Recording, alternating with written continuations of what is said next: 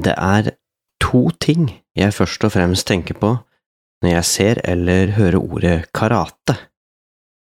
For det første ser jeg for meg en hvitkledd person som hogger til en stabel med planker, gjerne med kanten av en åpen, flat hånd.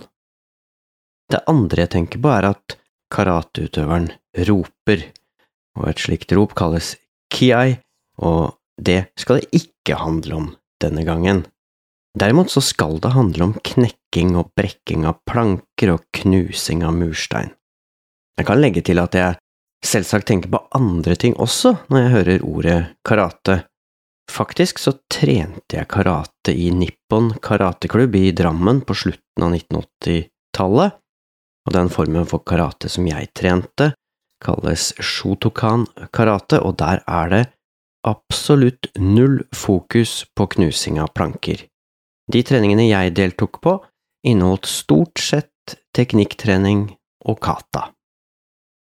Men det bildet som uansett, og umiddelbart, dukker opp i hodet mitt når jeg møter eh, begrepet karate, handler gjerne om en person som knekker en stabel med planker, eller som knuser murstein.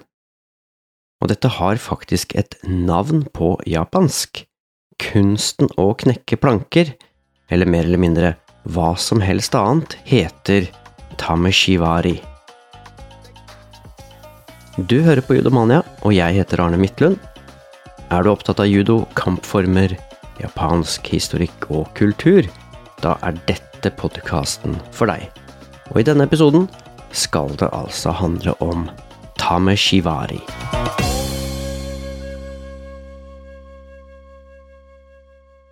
Hva var det som egentlig skapte interessen min for dette temaet? Jo, for 30–40 år siden leste jeg en fascinerende sak i Guinness rekordbok. Der sto det om et team med karate- eller taekwondo-utøvere som hadde knust et hus, kun ved hjelp av spark og slag. De hadde altså tatt tameshiwari ut i det helt ekstreme. Jeg har ikke klart å finne igjen den aktuelle rekordboka, men med hjelp av noen uh, søk på internett så klarte jeg å finne den aktuelle saken, og hele dette opplegget her fant sted i Bradford i England 4. juni 1972. 15 utøvere, som alle var medlemmer i The International Budo Association, ledet av den 38 år gamle Phil Milner, klarte å rive et 150 år gammelt seksromshus i løpet av seks timer. Denne usedvanlige prestasjonen ble oppført i Guinness rekordbok i 1973, og i bildeteksten så står det at utøverne bukket mot haugen med byggematerialer da oppdraget var utført. Phil Milner sa til de fremmøtte journalistene at det var et solid hus og en skikkelig utfordring. Den eneste reale hindringen var veggen bak peisen.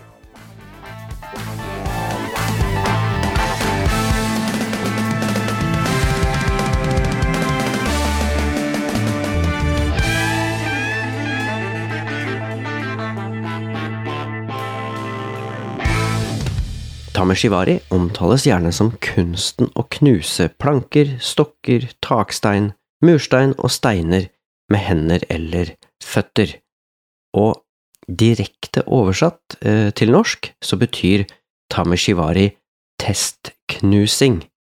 Det finnes også et eh, parallelt uttrykk som handler om å teste våpen, først og fremst sverd, og da heter det tameshigiri, som betyr testkutting.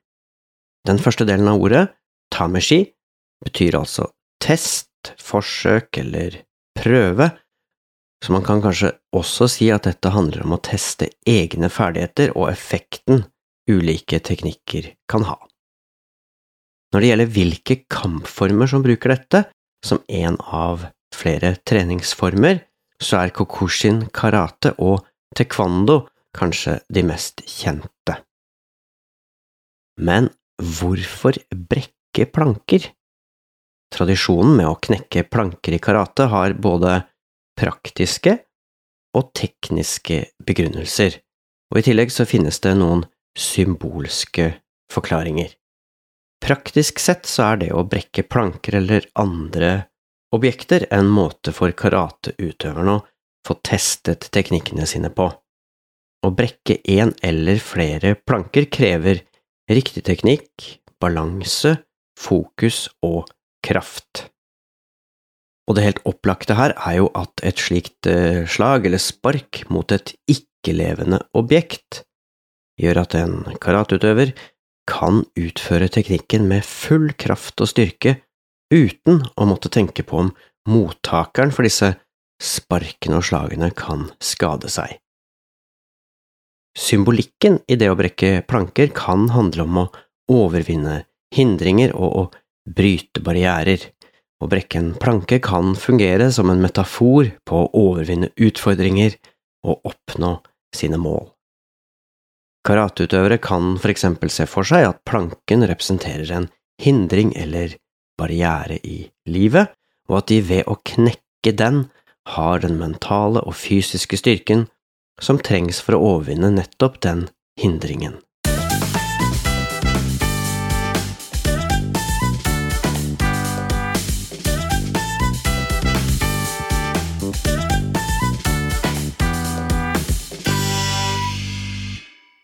Når vi skal snakke om brekking og knekking av planker, kommer vi ikke utenom mas oyama, fordi praksisen med å knekke planker oppsto sannsynligvis i Okinawa i Japan.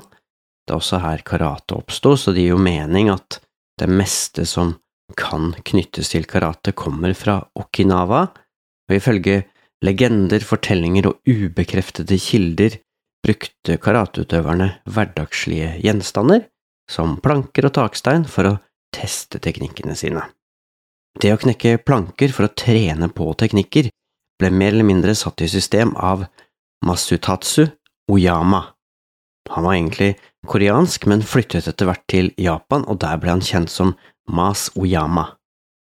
Mas Oyama grunnla Kokushin karate midt på 1900-tallet, og han var kjent for sin utrolige fysiske styrke og sin evne til å knuse planker og andre gjenstander kun ved hjelp av hender og føtter.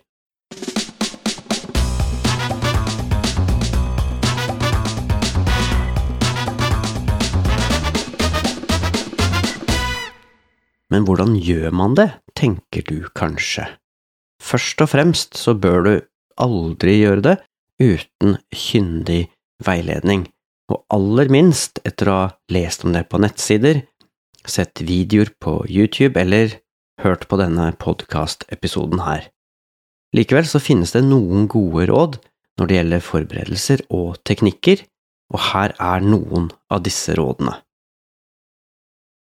Som det meste i kampformer så handler dette også om å utnytte fysikkens lover til egen fordel. I judo er vi for eksempel opptatt av balansebrudd, tyngdepunkt, kraft og motkraft. I karate er man gjerne opptatt av at slagene skal utvikle mest mulig trykk og kraft mot treffpunktet. Derfor holder man gjerne hånda på en annen måte i karate enn det man for eksempel gjør i boksing. Karateutøvere konsentrerer slagene sine på et lite område av treffpunktet og prøver å avslutte slagene sine rundt en centimeter inne i, eller altså bak treffpunktet. En karateutøver ser for seg at treffpunktet er på baksiden av selve det punktet man først er nær. I boksing så forsøker man å bruke kraften i slaget til å flytte hele massen man treffer, altså kroppen, til motstanderen, slik at vedkommende gjerne dyttes bakover eller til siden. Så her er det en liten forskjell. Karateutøverne gir stor kraft på et lite område, mens bokseren gir stor kraft på et stort område. Ifølge Mas Oyama så er det ekstremt viktig at treffpunktet på hånda, hvis det er den man slår med, er så lite som mulig. Det handler rett og slett om den formelen for trykk som sier at trykk er kraft delt på areal, og det betyr at trykket øker hvis arealet blir mindre. Oyama er også opptatt av at vinkelen du treffer målet med skal være så nær 90 grader på overflaten til målet som overhodet mulig. I tillegg nevner han de klassiske kampsporttriksene med at kraften kommer fra underlaget, gjennom beina via hofta og ut i armen. I tillegg til trykk og kraft er hastighet også helt sentralt for å lykkes med tameshivari.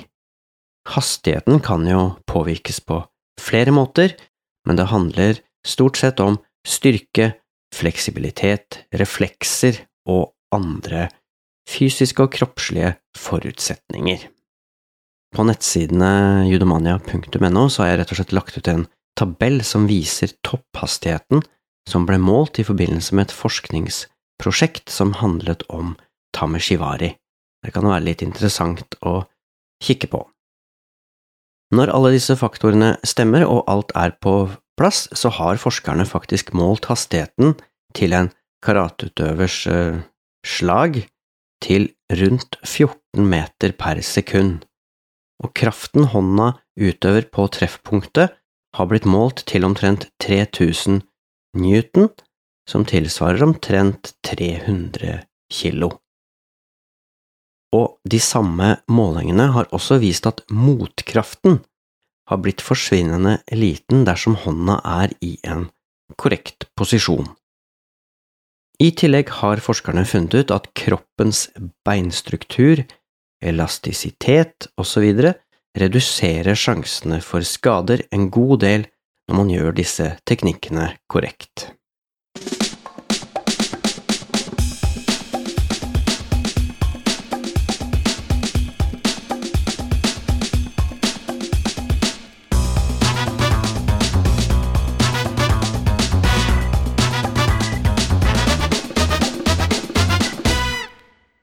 Hvilken del av kroppen er det lurt å bruke hvis du skal få has på en planke eller en murstein? Hvis du har trent karate eller andre kampformer der slag og spark er en del av teknikkutvalget, eller skal vi kalle det våpenarsenalet ditt, så vet du at du kan jo bruke hender, albuer, føtter og knær i de ulike teknikkene. I tillegg finnes det faktisk enkelte teknikker der man bruker hodet og ikke i overført betydning, men rett og slett helt konkret hode, akkurat det vil jeg absolutt ikke anbefale. Men av de kroppsdelene som jeg nevnte eh, tidligere, eh, hender, albuer, føtter og knær, så er kanskje føttene det aller beste våpenet, i alle fall hvis du skal knuse eller brekke noe. Føttene tåler rett og slett mest, tror jeg vi kan si og føttene brukes jo allerede mer eller mindre naturlig til sånne formål. Det er jo føttene vi bruker når vi går, løper, hopper, sparker en ball osv., og har du i tillegg sko på føttene, så er du ganske godt beskytta mot det som kommer av ytre påkjenninger. Men hvis målet ditt er å imponere tilskuerne på en oppvisning, så er det jo ikke nok å hoppe på en planke med føttene til den knekker. Det ser kanskje mer komisk enn imponerende ut, og til og med et velrettet spark som knekker en planke i to, tror jeg kanskje mange oppfatter som ganske ordinært. Og så må jeg bare legge til at det er jo ikke sånn at man skal knekke planker for å imponere tilskuere, det kan jo like gjerne være for å sjekke at teknikken din er på plass og at alt stemmer. Men uansett, Føttene er kanskje den enkleste delen av kroppen når det gjelder å knekke planker osv. Ønsker du en litt større utfordring, samtidig som du skal være trygg på at du får til det du prøver på, så kan du bruke albuer eller knær. Og hvis jeg måtte velge, så syns jeg kanskje at albuen er spesielt godt egna, for det er ganske enkelt å utvikle stor kraft med et eh, bestemt albueslag. Det mest imponerende, men også det mest eh, risikable, er å bruke hendene.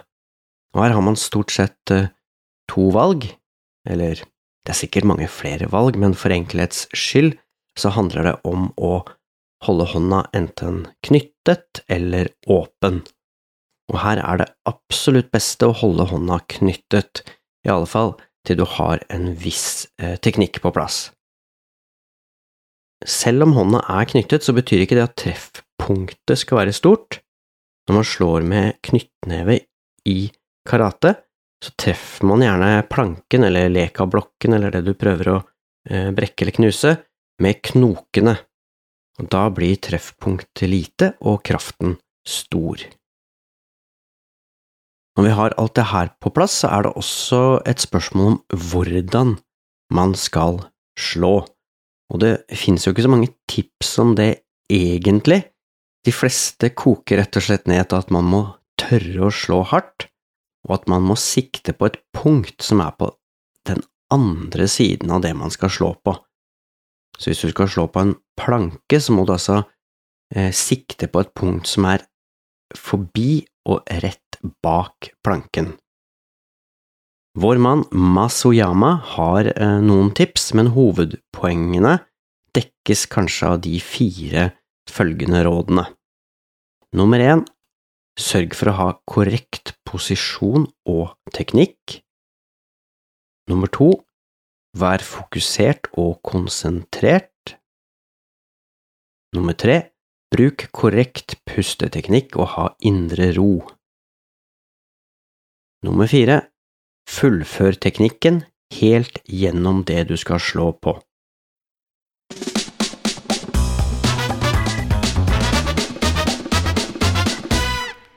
Før vi avslutter denne episoden, så vil jeg også si litt om materialvalget. For det er jo ikke sånn at du bare kan ta den første og beste planken du finner på en byggeplass, og så klare å knekke den i to. Snarere tvert om. Det du bør være på jakt etter, er rett og slett en ganske tørr planke, i alle fall hvis poenget ditt er å gjøre det her litt enklere for deg selv. Og hvis hensikten er å gjøre denne knekkingen så enkel som mulig, så er det også lurt å slå langs fibrene i treplanken, og i tillegg legge plankene med litt avstand mellom seg og dette med avstand mellom de ulike lagene er lurt uansett hvilket materiale du skal ødelegge, for da vil du i praksis kun treffe det øverste laget, som igjen treffer det neste som er rett under, og så får du forhåpentligvis en kjedereaksjon som forenkler hele opplegget ganske mye. Sånn er det selvsagt ikke den klassiske formen for tamishivari som vi finner i Kokushin karate.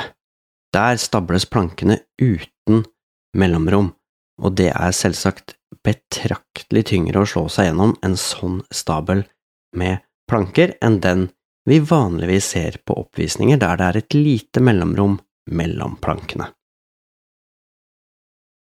Personlig har jeg aldri prøvd å slå meg gjennom så mange planker, men ifølge kildene så kan de beste Kokushin karateutøverne slå seg gjennom fire til fem planker som ligger helt inntil hverandre. Hvis det er et mellomrom mellom plankene, så kan man gjerne tredoble antallet. Ifølge Jesse Camp, som driver et nettsted og en YouTube-kanal som heter The Karate Nerd, så er det flere materialer som egner seg til oppvisninger, og her er det Viktig å huske på at det er en forskjell på det å knekke ting for å imponere, og det å knekke ting for å teste egne evner. Så utgangspunktet for denne lista er om du har tenkt å knekke ting på en oppvisning.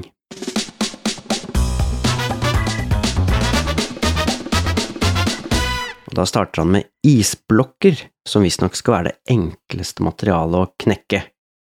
Personlig synes jeg det også høres ganske vanskelig ut, men det er mange nettsider som omtaler nettopp isblokker som det enkleste materialet å få has på.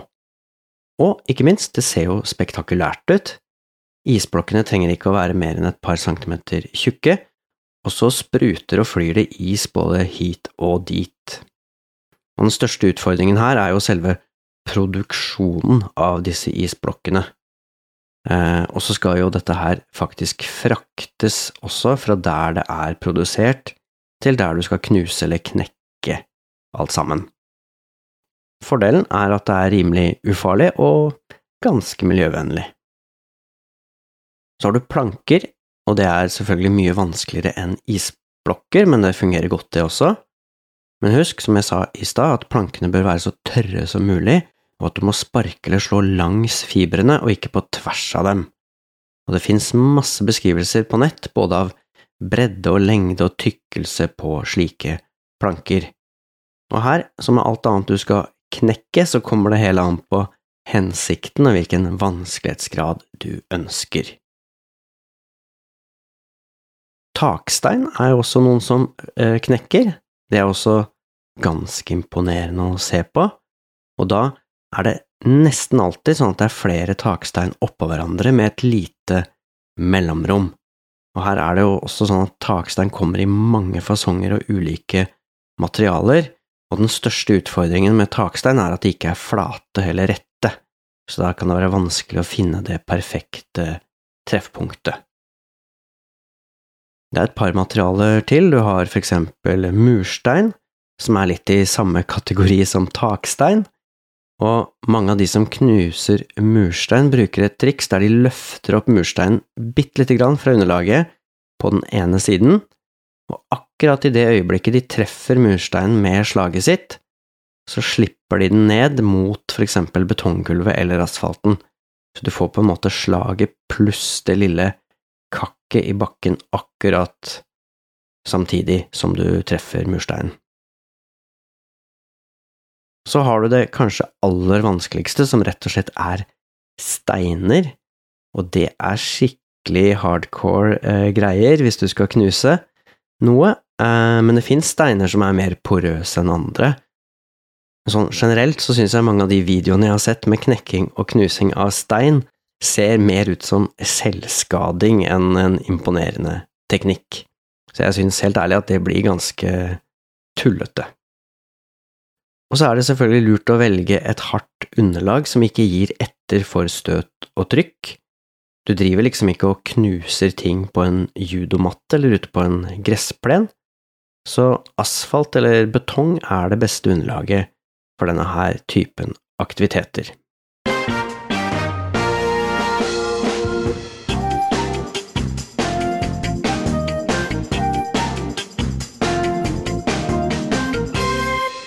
Helt avslutningsvis så skal jeg prøve å oppsummere litt. Eh, det fins noen fordeler ved tameshivari, det å knuse ting. Du må være presis og nøyaktig når du utfører teknikkene. Du må bruke tilstrekkelig kraft for å klare å knuse eller brekke et objekt. Du opplever jo en direkte og umiddelbar respons på hvor effektiv teknikken din er. Teknikken er ikke så vanskelig å lære. Hvis du klarer dette her, så får du kanskje økt selvtillit. Føtter og hender blir sterkere, og teknikkene kan brukes på oppvisninger. Og de som gjør dette en del, sier at det er veldig gøy. Men det er også noen ulemper, selvsagt. Det er kanskje at teknikkene er urealistiske, det er veldig få kampformer som bruker denne typen teknikker. Du kan skade deg. Tilskuerne kan skade seg. De som hjelper til med å støtte, holde og stabilisere planker osv., kan skade seg.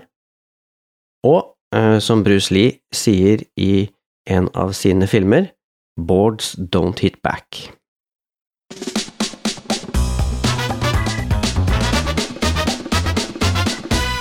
Med det er det på tide å avrunde denne episoden, men før jeg avslutter så har jeg en liten oppfordring.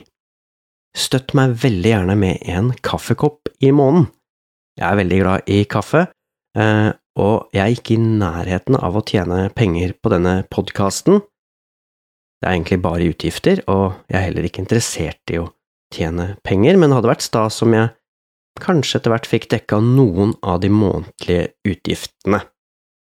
Sjekk judomania.no skråstrek podkast eller notatene til denne episoden, så kan du finne ut litt mer om hvordan du kan bidra.